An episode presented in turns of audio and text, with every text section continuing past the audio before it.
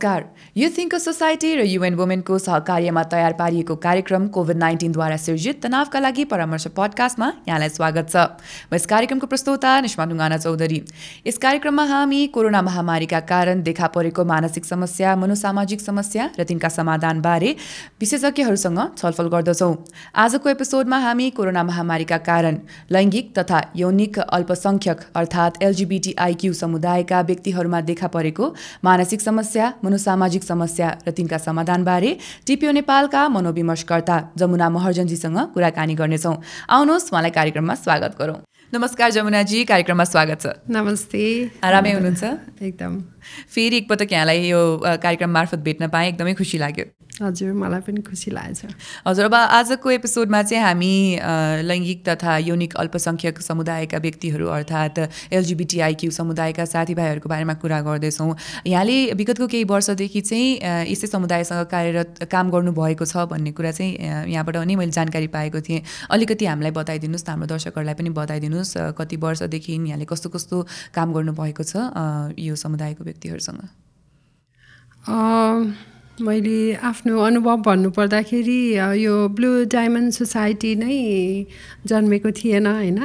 जब यो यौनिक तथा लैङ्गिक अल्पसङ्ख्यक समुदायका मानिसहरू एकदम छरपष्ट रूपमा चाहिँ छरेर रहेका थिए जहाँ चाहिँ कति सडकमा रहन्थे कति चाहिँ आफ्नो अनौपचारिक हिसाबले चाहिँ विभिन्न क्षेत्रमा काम गरिरहने क्रममा पनि विभिन्न आरोप प्रत्यारोपण मतलब उहाँहरूलाई चाहिँ आरोपहरू लाग्थ्यो। त्यो क्रममा सडकमा आफ्नो जीविका चलाउनको लागि सडकमै बसेर काम गरिराख्दाखेरि पनि उहाँलाई पक्राउ गरेर विभिन्न किसिमका यातनाहरू निर्ममपूर्वक यातनाहरू पाउँथे।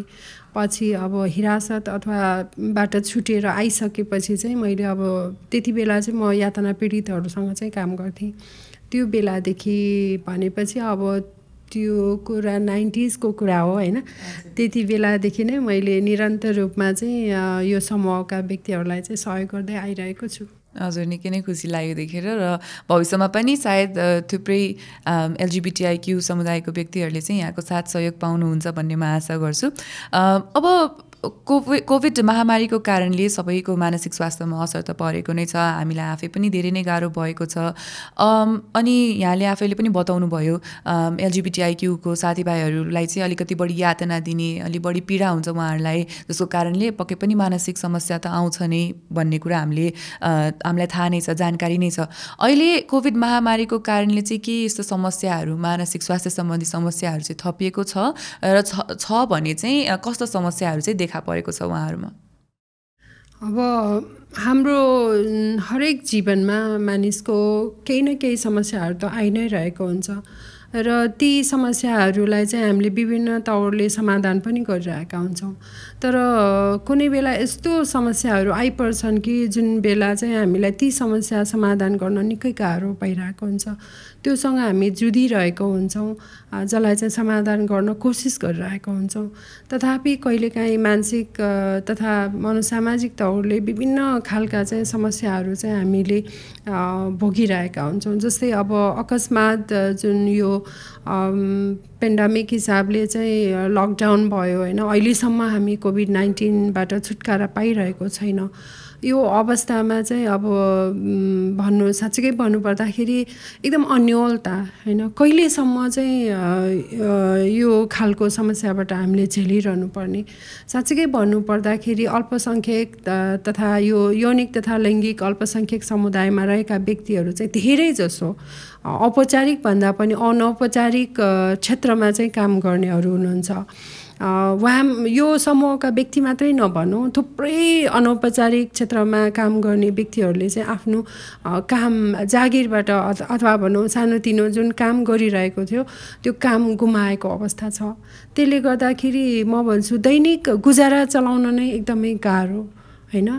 आम अरू जनसमुदायलाई जस्तै नै यो समूहका केही व्यक्तिहरूलाई पनि सबै म नभनौँ जो अनौपचारिक रूपमा चाहिँ काम गरिरहेका छन् उहाँहरूको जागिर गुमेको अवस्था छ। त्यसले गर्दाखेरि अब परिवार कतिपय यो समुदायमा रहेका व्यक्तिहरूले चाहिँ अनौपचारिक क्षेत्रमै काम गरे तापनि उहाँहरूले चाहिँ एउटा परिवार धानिरहेको अवस्था थियो। जसले गर्दाखेरि आफू त विचलित भयो भयो परिवारलाई पनि उहाँहरूले चाहिँ सम्हाल्न नसक्ने हेर्न नसक्ने अवस्था। र कति चाहिँ त्यस्तो हो भने कति चाहिँ यही समूहका व्यक्तिहरू चाहिँ एक आपसमा चाहिँ सँगै बसिरहेको अवस्था।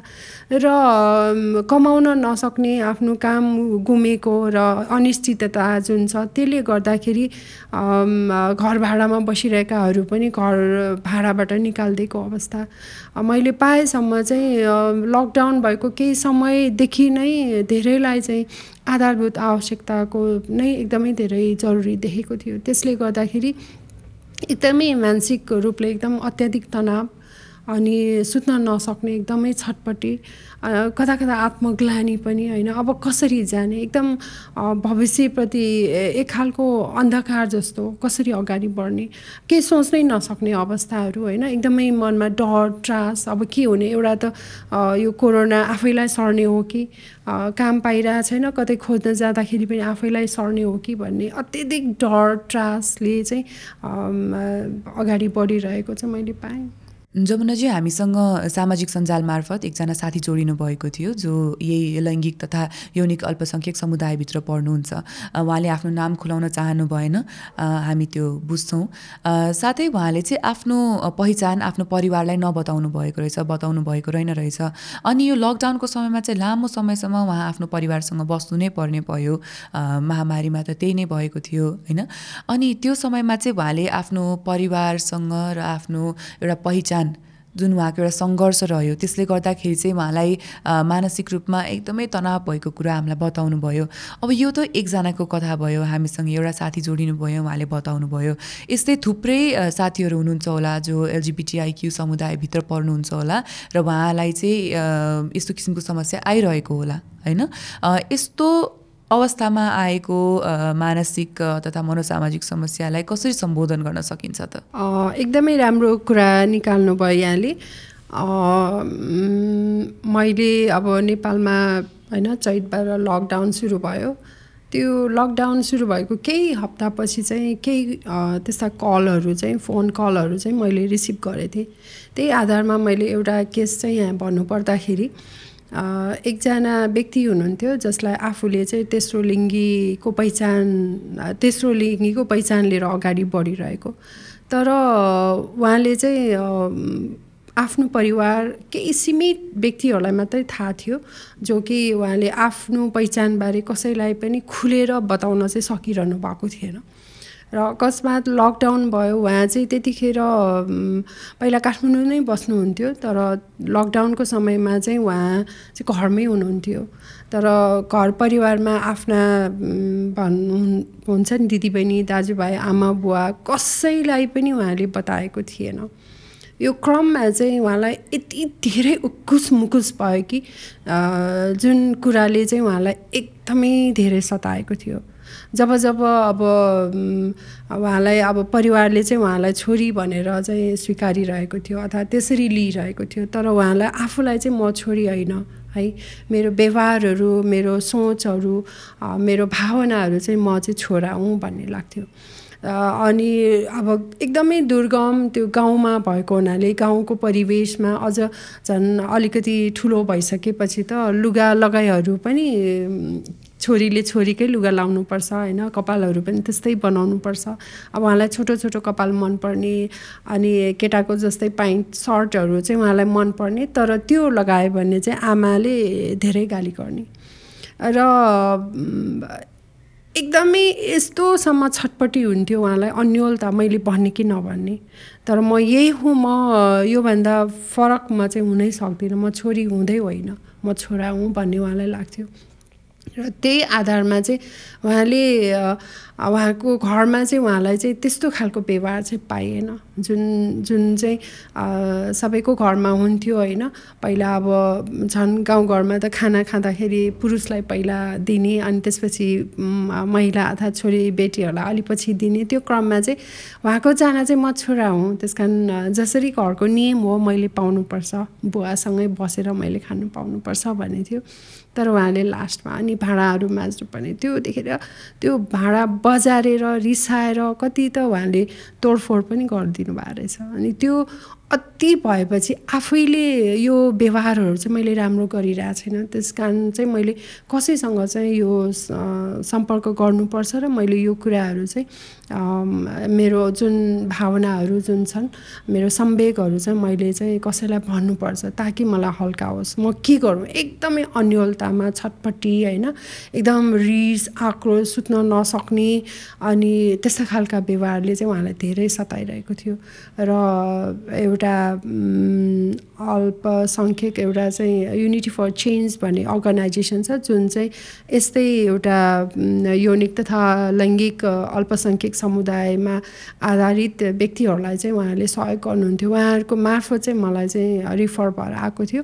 र मैले हेर्ने क्रममा चाहिँ अब पनि मलाई यस्तै व्यवहार भयो घाँस काट्न जाने होइन गाईबस्तु गोठहरू सफा गर्ने पानी लिन जाने घर लिटपोत सधैँभरि यो गर्ने भयो भने चाहिँ अब म आफैले आफूलाई सकाउनु बाहेक चाहिँ मेरो अरू उपाय हुँदैन भन्ने हिसाबले चाहिँ उहाँले कल गर्दाखेरि आफ्नो त्यो खालको उहाँको भावनाहरू चाहिँ सेयर गर्नुभएको थियो।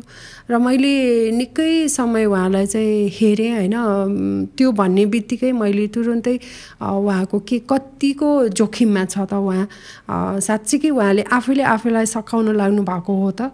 उहाँको विचार मात्रै हो कि या योजना नै बनाइसक्नु भएको भनेर म एकदमै धेरै अलर्ट भएर चौबिसै घन्टा जस्तो चाहिँ मैले मेरो फोनबाट होइन मेसेज गर्थेँ र कलहरू गरिरहन्थेँ। कहिले मैले गर्थेँ कहिले तपाईँले गर्नुहोस् है मलाई भन्थेँ। तर मैले चाहिँ जब मैले पहिलो कलमै उहाँको एउटा आफैले आफैलाई चाहिँ हानि पुर्याउने खालको सोच विचारहरू रहेछ जो जुन चाहिँ उहाँको पछाडि चाहिँ पहिचान लाई आफ्नो पहिचानलाई खुलाउन नसक्दाखेरि उहाँहरूको छटपटाट जुन छ यसरी बाँच्नुभन्दा त म बरु मर्नु नै ठिक भन्ने उहाँको जुन सोच छ त्यो सोचलाई परिवर्तन गर्न मलाई निकै समय लाग्यो।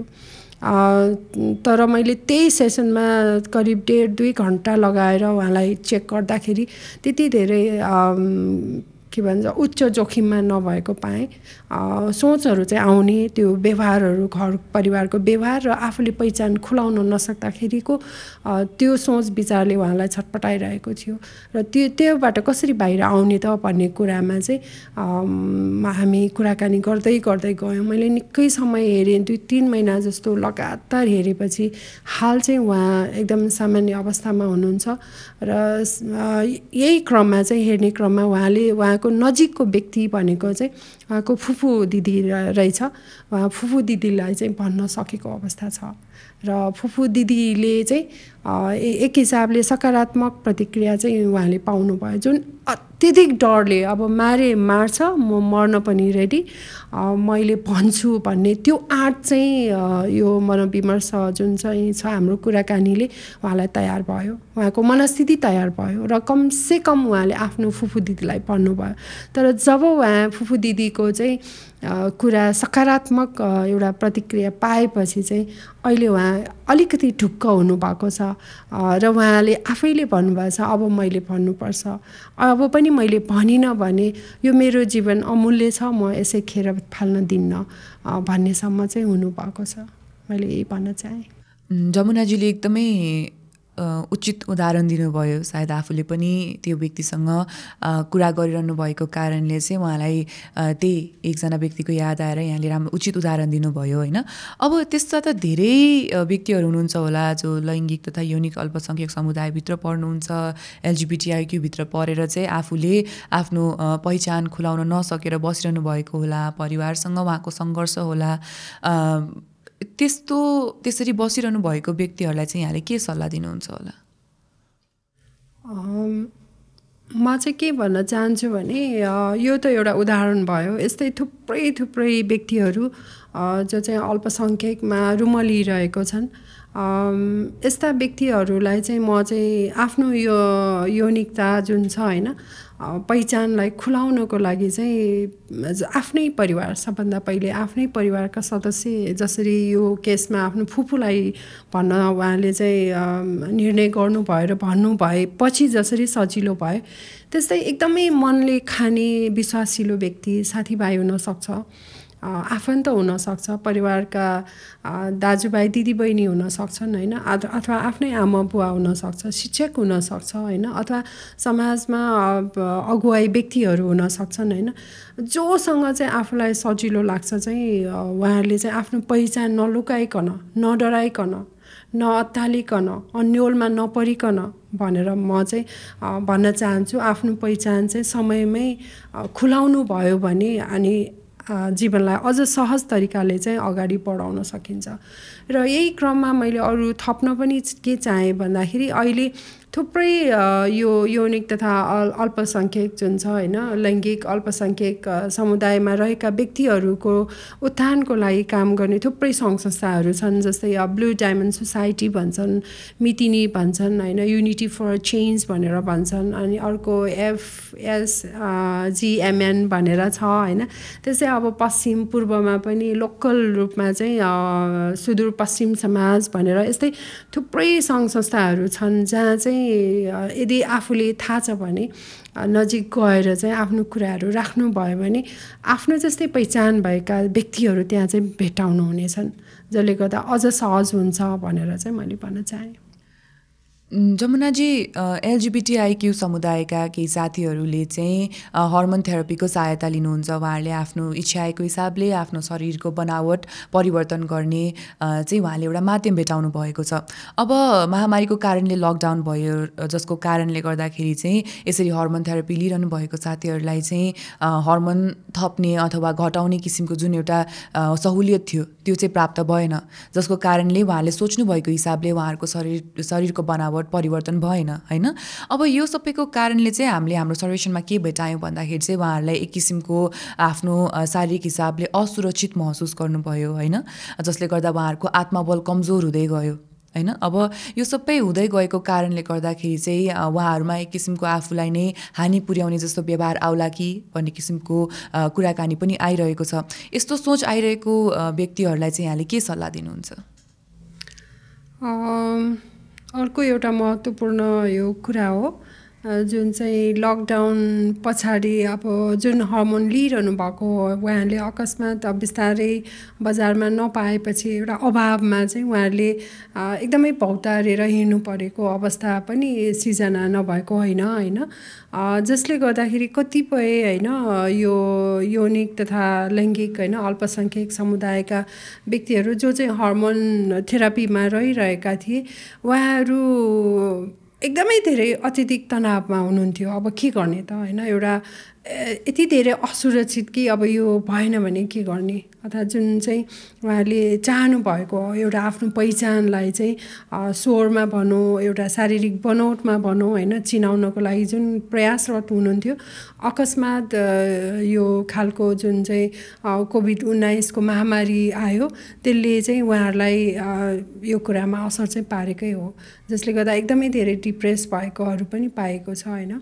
जस्तो अब मैले भन्नुपर्दाखेरि चाहिँ कतिपय मैले हेरेको केसहरूमा पनि यो इस्युहरू नआएको होइन यो यो खालको होइन समस्याहरू पनि आएको थियो। र लक्किली मैले एउटा चाहिँ समाजसेवी जुन चाहिँ भेटाएँ होइन उहाँले चाहिँ उहाँले आफ्नो परिवारको सदस्यहरूलाई चाहिँ इन्डियाबाट उहाँले चाहिँ औषधि मगाउनु पर्ने थियो। त्यसमा उहाँले चाहिँ भन्नुभयो म केही चाहिँ सहयोग गर्न सक्छु। जब मैले मनाउने मनाउ के उताबाट मगाउनै पर्छ भने चाहिँ यो थप जो उहाँले खाइरहनु भएको हर्मोन पनि मेरो तर्फबाट चाहिँ म सहयोग गर्न चाहन्छु।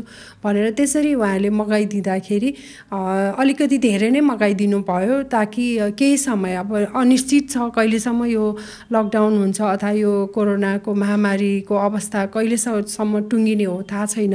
त्यसले गर्दा उहाँले अलिकति धेरै नै मगाइदिनु भयो र जुन त्यो उहाँले मगाउनु भएको त्यो औषधि आइपुगेपछि चाहिँ जतिजनालाई चाहिएको हो उहाँले चाहिँ बाँडफाँड गरी चाहिँ खानुभएको अर्थात् उहाँले पाउनुभयो। त्यसपछि चाहिँ अलिकति त्यो एकदमै दिगदारी एकदमै अन्यल एकदमै अब के गर्ने भन्ने रिस आक्रोश एउटा स्थिर नै नभएको अवस्थामा चाहिँ उहाँहरू जिरहनु भएको थियो त्यसले गर्दा केही आशा अब म केही लम्बिन्छ कि?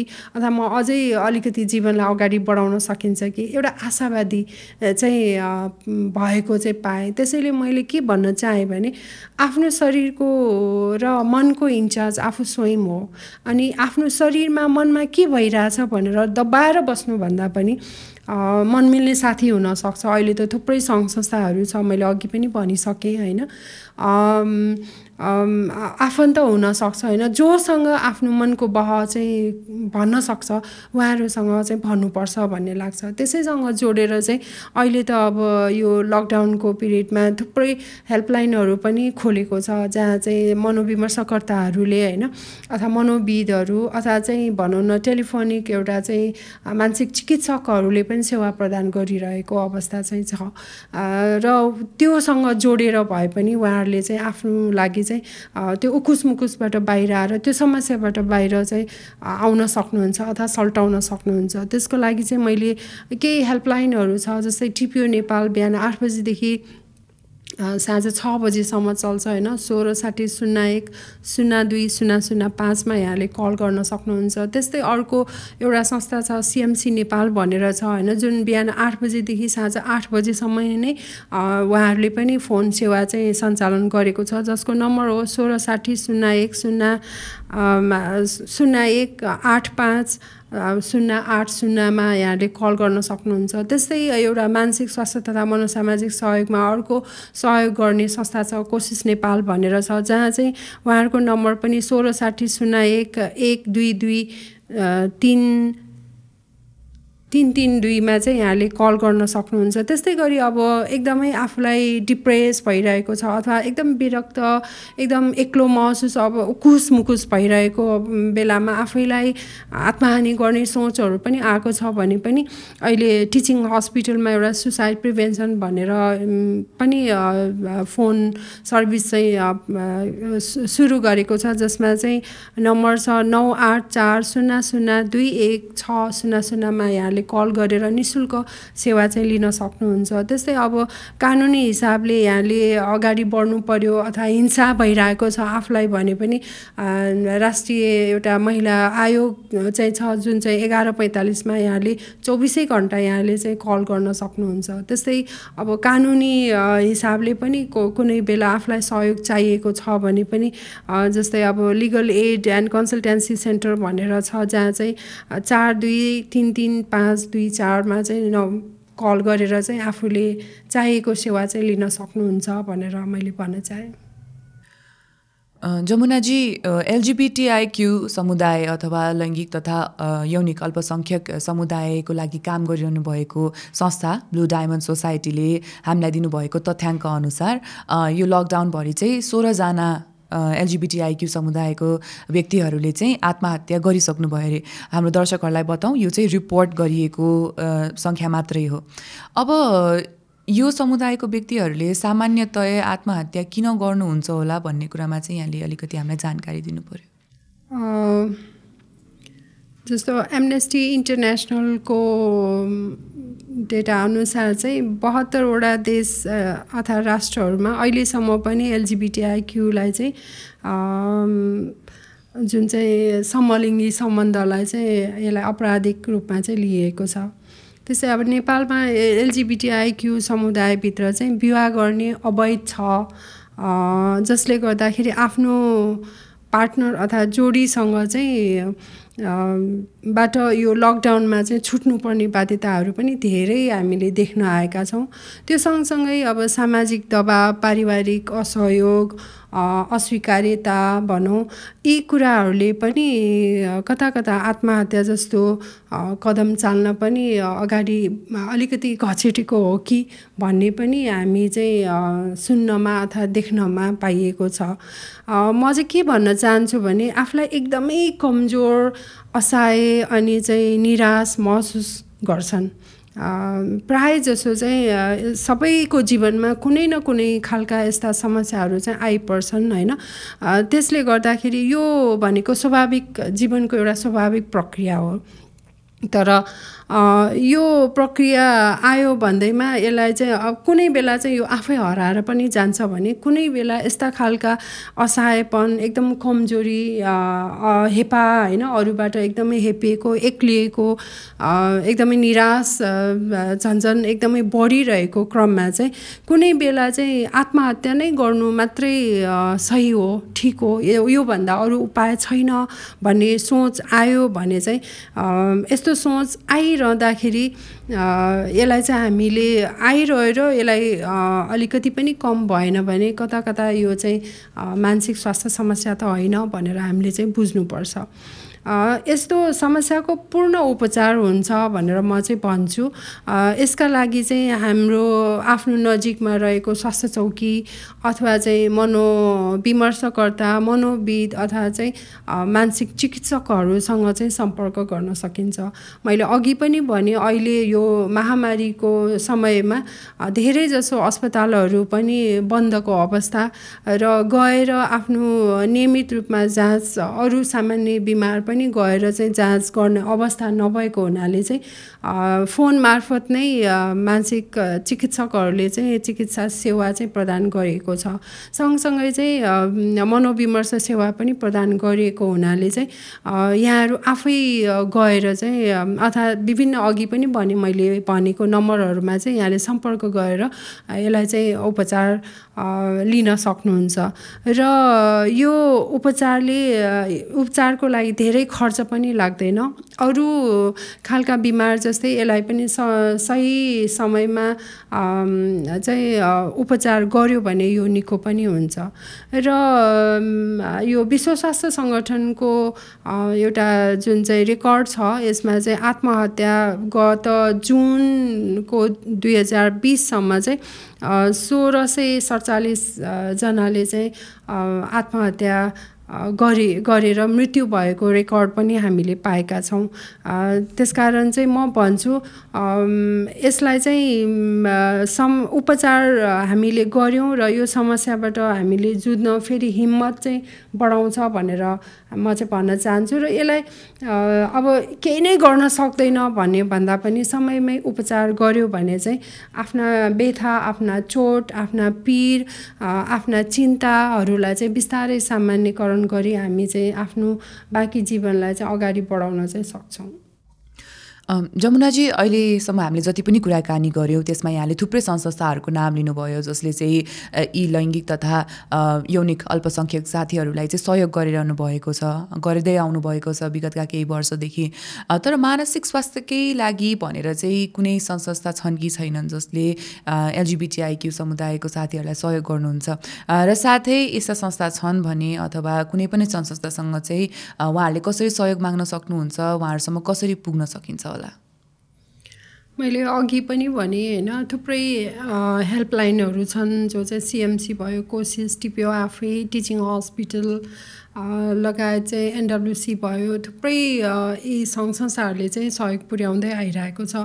तथापि यो पहुँचको लागि चाहिँ अब भन्नुपर्दाखेरि मानसिक स्वास्थ्य तथा मनोसामाजिक सहयोगमा टिप्यो नेपालले लामो समयदेखि चाहिँ यो समूहका व्यक्तिहरूलाई चाहिँ सहयोग पुर्याउँदै आइरहेको छ जो चाहिँ अब व्यक्ति व्यक्ति बिच भयो।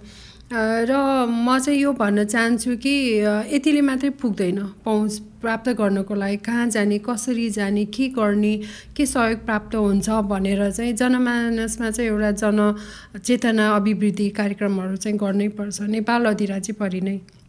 हुनसक्छ यो समूहमा आबद्ध भएका सङ्घ संस्थाहरूले किन नहोस्? र अरू राज्यले पनि यसलाई चाहिँ कुनै एउटा पार्टको रूपमा यस्तो पनि छ भनेर चाहिँ जान सकिन्छ। र अर्को म भन्छु परिवार होइन? कतिपय परिवारले पनि आफ्नै छोराछोरी जन्माएका जो हुनुहुन्छ उहाँले पनि यो खालको यौनिक तथा लैङ्गिक अल्पसङ्ख्यक समुदाय अथवा समूहमा यो केमा पर्छ भन्ने कुरा पनि थाहा छैन। जसले गर्दाखेरि अन्तर्लिङ्ग जुन छन् होइन लगायत चाहिँ अब दुई लिङ्गे भनौँ या चाहिँ तेस्रो लिङ्गी भनौँ अथवा समलिङ्गी भनौँ होइन यो विविध समूहमा परेका व्यक्तिहरूलाई आफैले पनि पहिचान यो के हो भन्ने कुरा थाहा छैन। त्यसैले सचेतीकरण लगायत चाहिँ अमुखीकरण कार्यक्रमहरू चाहिँ परिवारदेखि समुदायदेखि होइन जहाँ रहन्छ समुदायदेखि चाहिँ सिङ्गो नेपाल परि नै यस्ता कार्यक्रमहरू चाहिँ चलाउनु पर्छ भन्ने चाहिँ लाग्छ। अनि मात्रै यो समूहमा समस्यामा परेका होइन मानसिक स्वास्थ्य तथा मनोसामाजिक समस्यामा ग्रसित भएका व्यक्तिहरूले चाहिँ पहुँच चाहिँ प्राप्त गर्न सक्छन्। र अर्को मैले भन्न चाहेँ जो व्यक्तिसँग चाहिँ समस्या छ होइन त्यो व्यक्तिसँग समस्याका समाधानका उपायहरू पनि हजार उपायहरू हुन्छन्। त तथापि हजार उपाय भए तापनि पहुँच नपुग्दाखेरि कहाँ गएर चाहिँ ढोका ढकढकाउने त? कहाँ गएर चाहिँ सहयोग प्राप्त गर्ने भन्ने कुरामा चाहिँ जहिले पनि अन्यल हुन्छ होला। त्यसैले यो अन्यलतालाई हटाउनको लागि चाहिँ सचेतीकरण अनि अभिमुखीकरण कार्यक्रमहरू चाहिँ एकदमै जरुरी छ भन्छु। अर्को चाहिँ अब व्यक्ति व्यक्ति बिच त अब टिपिओ लगायत थुप्रै सङ्घ संस्थाहरू छन् जहाँ चाहिँ आफै गएर पनि गर्न सक्यो। अर्को चाहिँ दौतरी समूह के? एउटै समूह हुनसक्छ समलिङ्गी समलिङ्गीको एउटा दौतरी बनाउन सकिएला अनि त्यस्तै गरी तेस्रो लिङ्गी तेस्रो लिङ्गी होइन तेस्रो लिङ्गीमा पनि तेस्रो लिङ्गीको महिला या पुरुष के हो?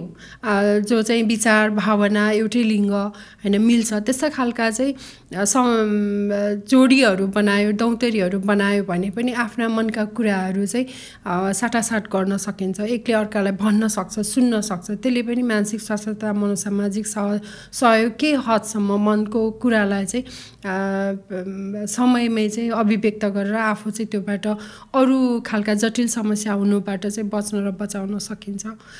भने अर्को चाहिँ अब सामूहिक रूपमा होइन अब ग्रुपमै पनि समलिङ्गीको एउटा ग्रुप होला होइन अन्तर्लिङ्गको एउटा होला दुई लिङ्गको अर्को होला।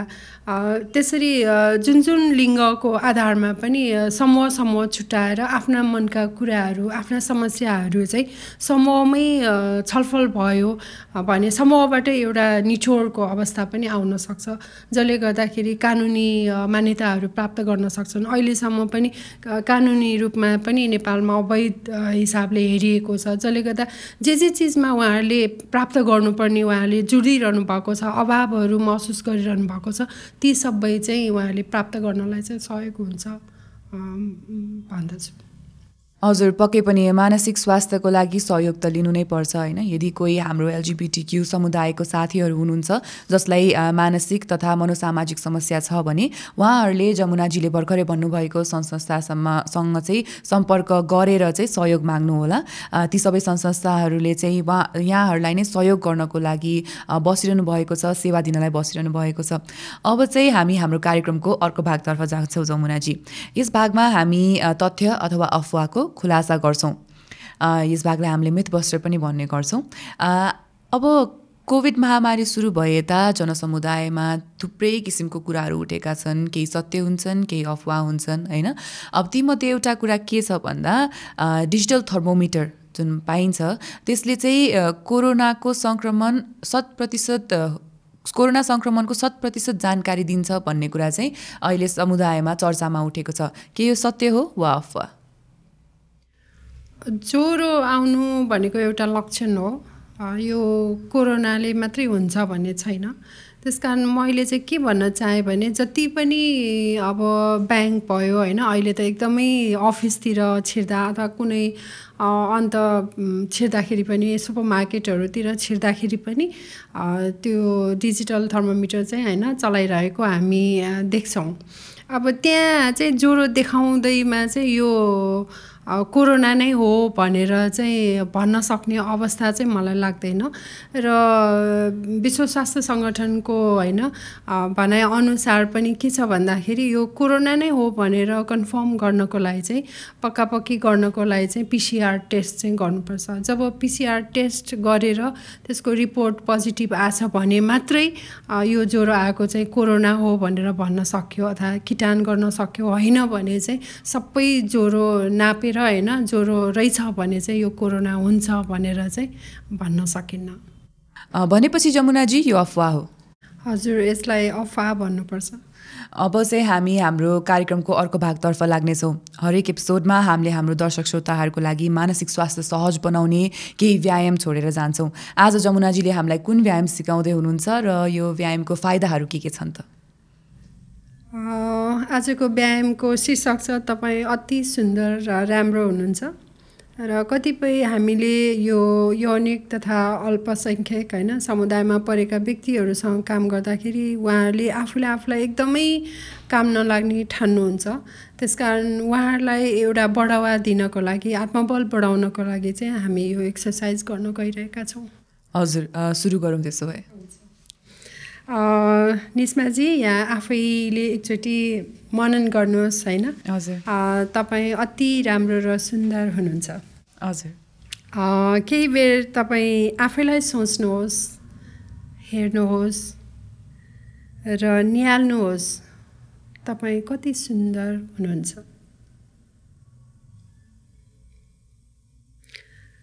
अब तपाईँलाई मैले अनुरोध गरेँ तपाईँको हात आफ्नो मुटुमाथि राख्नुहोस् दायाँ हात। र अनुभव गर्नुहोस् तपाईँको मुटुको धड्कन कस्तो चलिरहेको छ। महसुस गर्नुहोस् जसले तपाईँको शरीरको हरेक अङ्गमा शुद्ध रगत पुर्याइरहेको छ। यसले तपाईँलाई निरन्तर ऊर्जा प्रदान गरिरहेको छ।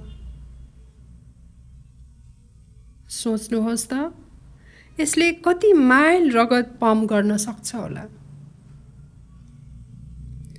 झन्डै छ्यानब्बे हजार पाँच सय साठी किलोमिटर अथवा साठी हजार माइल पम्प चाहिँ यसले रगत पम्प गरिरहेको हुन्छ। के तपाईँलाई थाहा छ? तपाईँको मुटुले एक वर्षमा कति लिटर पम्प गर्छ होला? झन्डै बाइस लाख एकहत्तर हजार दुई सय सडचालिस लिटर। अब म यहाँलाई एकचोटि अनुमान गर्न लाउँछु कि तपाईँ के तपाईँले आनन्द महसुस गर्नु भएन त? आफ्नै शरीरभित्र कति धेरै रगतले पम्प गरिरहेको छ जसलाई यहाँलाई जिउनको लागि मद्दत गरिरहेको छ।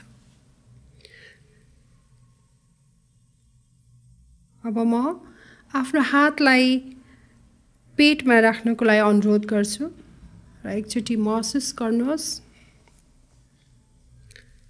तपाईँको पेटको पाचन प्रक्रियाले त तपाईँले खानुभएको हरेक खानालाई पचाएर तपाईँलाई नयाँ मांसपेशी बनाउन रगत र ऊर्जा प्रदान गरिरहेको छ। कति तेजवान यन्त्र छ तपाईँको शरीरभित्र।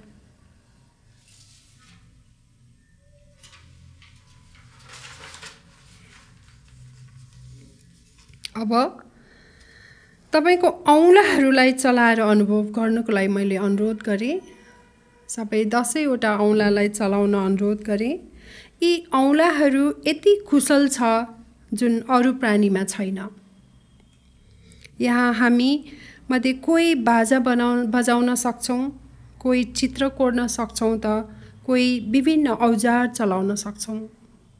दैनिक जीवनमा यी औँलाहरूले तपाईँलाई सधैँ साथ दिइरहेको छ। कति चमत्कारी तपाईँका औँलाहरू। एकचोटि महसुस गर्नुहोस् अब म तपाईँलाई आफ्नो कानलाई महसुस गर्न अनुरोध गरेँ। सोच्नुहोस् त जस्ट महसुस मात्रै गर्नुहोस् सोच्नुहोस् त यसले के गर्न सक्छ? के कुराहरू सुन्न सक्छ?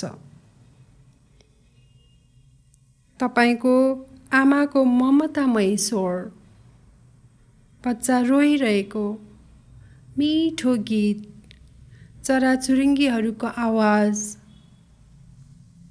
तपाईँ हरेक प्रकारको आवाज वा धुन सुन्न सक्नुहुन्छ। तपाईँको कामले अचम्मको कार्य गर्दछ।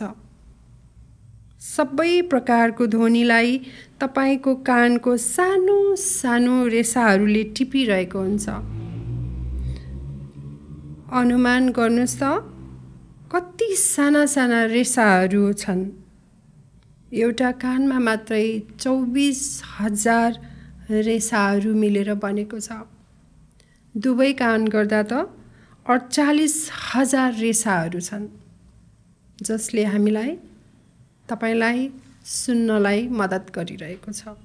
कति सुन्दर छ। अनि तपाईँ कति राम्रो हुनुहुन्छ। अब एकचोटि फेरि मैले यहाँलाई आँखामा महसुस गर्नको लागि अनुरोध गरेँ कति अचम्म छ तपाईँ के देख्नुहुन्छ? उडिरहेको चराहरू हवाईजहाजका आवाजहरू माथि उडिरहेको हवाईजहाज देख्न सक्नुहुन्छ। सुन्दर फुलहरू अनि फलहरू रतरम्म फलिरहेका फलहरू शानदार घाम इन्द्रेणीका ती सातै रङहरू लाखौँ ताराहरू अनि सबै राम्रा र नराम्रा पनि। अरू के देख्न सक्नुहुन्छ? कति अचम्म तपाईँको आँखाहरू।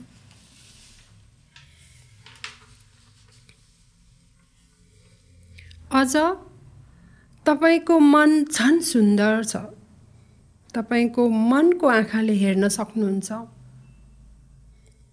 तपाईँ मनमा के देख्न सक्नुहुन्छ? तपाईँको स्कुलको वातावरण घरको आँगन मनपर्ने ठाउँ जहाँ पनि जहिले पनि यहाँको मनको आँखा पुर्याउन सक्नुहुन्छ। तपाईँको विगतमा पनि जान सक्नुहुन्छ। बाल्यकालमा वा सानो छँदा स्कुलको क्षणहरू वा तपाईँको अघिल्लो सालको जन्मदिनको पनि यहाँले कल्पना गर्न सक्नुहुन्छ। अर्थात् त्यो भित्री मनले यहाँले देख्न सक्नुहुन्छ। अनि तपाईँको मनले आउने क्षणहरूलाई पनि देख्न सक्नुहुन्छ वा कल्पना पनि गर्न सक्नुहुन्छ। परिवारसँगै बसिरहेको वा मनपर्ने ठाउँमा रमाइलो गर्दै गर्नुभएको वा जे पनि। योभन्दा पनि महत्त्वपूर्ण तपाईँको मन तपाईँको शान्ति हो। जसले तपाईँको जीवनलाई नियन्त्रणमा राख्दछ। तपाईँ आफ्नो स्थितिलाई हेर्न र विश्लेषण गर्न चाह सक्नुहुन्छ। कुन बाटोमा जाने हो? तपाईँ आफ्नो जीवनको यात्राको निर्णायक हुनुहुन्छ। हो त्यसैले तपाईँ आफै तपाईँको जिम्मे जीवनको जिम्मेवार हुनुहुन्छ। त्यसैले तपाईँ महसुस गर्न सक्नुहुन्छ तपाईँको शरीर मन र आत्माले तपाईँलाई चमत्कारी व्यक्ति बनाएको छ। त्यसैले तपाईँ अति राम्रो र सुन्दर हुनुहुन्छ। धन्यवाद जमुनाजी। एकदमै राम्रो व्यायाम रह्यो यो। पक्कै पनि हाम्रो दर्शक श्रोताले पनि घर बसी बसी यो चाहिँ गर्ने प्रयास गर्नुभयो होला। र यो हामीले हप्तामा कति दिन गर्न सक्छौँ? कसरी गर्न सक्छौँ होला? जति बेला आफूलाई चाहिँ म केही छैन म केही गर्न सक्दिनँ भन्दाखेरि आफ्नै शरीरमा भएको जो चाहिँ हामीलाई भगवान्ले दिनुभएको वरदान स्वरूप छ होइन? एकदमै तेजवान चमत्कारी अङ्गहरू छन्। त्यसलाई एकचोटि निहालेर छामेर अहिले गरे जस्तै गरी हात राखेर महसुस गरेर एकछिन आफू डुबेर ती क कल्पनामा डुबेर आफैले आफैलाई सोच्नुभयो माया गर्नुभयो र भनौँ न ममा यस्तो शक्ति छ वा हो भने जस्तो आफूले मनन गर्नुभयो। भने पक्कै पनि कसैले हामीलाई वास्ता नगर्दाखेरि पनि आफै भित्रबाट हामी ऊर्जा प्राप्त गर्न सक्छौँ। पक्कै पनि यसमा मेरो पनि सहमत छ। र आज जति पनि कुराहरू बताउनु भयो जमुनाजीले हाम्रो लैङ्गिक तथा यौनिक अल्पसङ्ख्यक साथीहरूको मानसिक तथा मनोसामाजिक स्वास्थ्यको बारेमा त्यसले पक्कै पनि हाम्रो समाज समुदायमा एउटा सकारात्मक सोच ल्याउँछ र उहाँहरूको मानसिक र मनोसामाजिक स्वास्थ्यमा पनि राम्रो असर पुर्याउँछ भन्ने हामी आशा गर्छौँ। आजको यहाँको समयको लागि धेरै धेरै धन्यवाद। हजुर यहाँलाई पनि धेरै धेरै धन्यवाद। यस पडकास्ट मार्फत हामीले मानसिक स्वास्थ्य सम्बन्धी चेतना ल्याउने मूल उद्देश्य राखेका छौँ। आजको एपिसोडबाट यहाँलाई मानसिक स्वास्थ्य सम्बन्धी जानकारी भयो होला भन्ने हामी आशा राख्छौँ। यस पडकास्टलाई सुन्नका लागि यहाँले हामीलाई वाइटिएस केयरको सामाजिक सञ्जाल र युथ थिङ्कर सोसाइटीको वेबसाइटमा पनि भेटाउन सक्नुहुन्छ।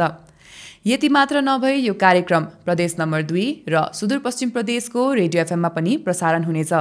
प्रदेश नम्बर दुईका लागि रेडियो बिरगन्ज रेडियो मिथिलाञ्चल र रेडियो मलङ्वा साथै सुदूरपश्चिम प्रदेशको लागि दिनेश एफएम र रेडियो सुदूरावाजमा यहाँले हामीलाई भेटाउन सक्नुहुन्छ। यस कार्यक्रमप्रति आफ्नो कुनै जिज्ञासा अथवा गुनासा रहेमा क्याप्सनमा दिएको प्रतिक्रिया फारमभरि हामीलाई सचेत गराउन सक्नुहुन्छ। कोभिड नाइन्टिनद्वारा सिर्जित तनावका लागि परामर्श पडकास्टमा हामी यहाँहरूलाई आवश्यक पर्ने मानसिक स्वास्थ्य सम्बन्धी जानकारी दिन्छौँ। आजको एपिसोडबाट यहाँहरूलाई जानकारी भयो होला भन्ने आशा गर्दै आउने एपिसोडहरूमा मानसिक स्वास्थ्य मनोसामाजिक स्वास्थ्य सम्बन्धी प्रश्न छलफल र जिज्ञासाको बारेमा हामी छलफल गर्नेछौँ। त्यसैले सामाजिक सञ्जाल मार्फत हामीहरूसँग अपडेट भइरहनु हुन यहाँहरूमा आग्रह छ। यदि यहाँहरूलाई कुनै मानसिक अथवा मनोसामाजिक समस्या भएमा यहाँले टिपिओ नेपालको टोल फ्री नम्बरमा सम्पर्क गरेर मद्दत माग्न सक्नुहुन्छ। टिपिओ नेपालको टोल फ्री नम्बर रहेको छ। एक छ छ शून्य एक शून्य दुई शून्य शून्य पाँच। यो सेवा बिहान आठ बजेदेखि बेलुका छ बजेसम्म उपलब्ध छ। थप यहाँहरूले कोसिस नेपालको टोल फ्री नम्बरमा पनि सम्पर्क गरेर मद्दत माग्न सक्नुहुन्छ। प्रदेश नम्बर दुईको लागि उहाँहरूको नम्बर रहेको छ। एक छ छ शून्य तिन तिन पाँच दुई शून्य एक एक। सुदूरपश्चिम प्रदेशको लागि उहाँहरूको नम्बर रहेको छ एक छ छ शून्य एक शून्य पाँच छ सात एक पाँच। बागमती प्रदेशको लागि उहाँहरूको नम्बर रहेको छ एक छ छ शून्य एक दुई दुई तिन दुई दुई। आत्महत्या रोकथामको लागि मानसिक अस्पताल लगनखेलको नम्बर रहेको छ एक एक छ छ। यी सबै सेवाहरू निशुल्क छन्। यति भन्दै आजको पडकास्टबाट म निष्मा चौधरी यहाँहरूबाट बिदा माग्न चाहन्छु। नमस्ते।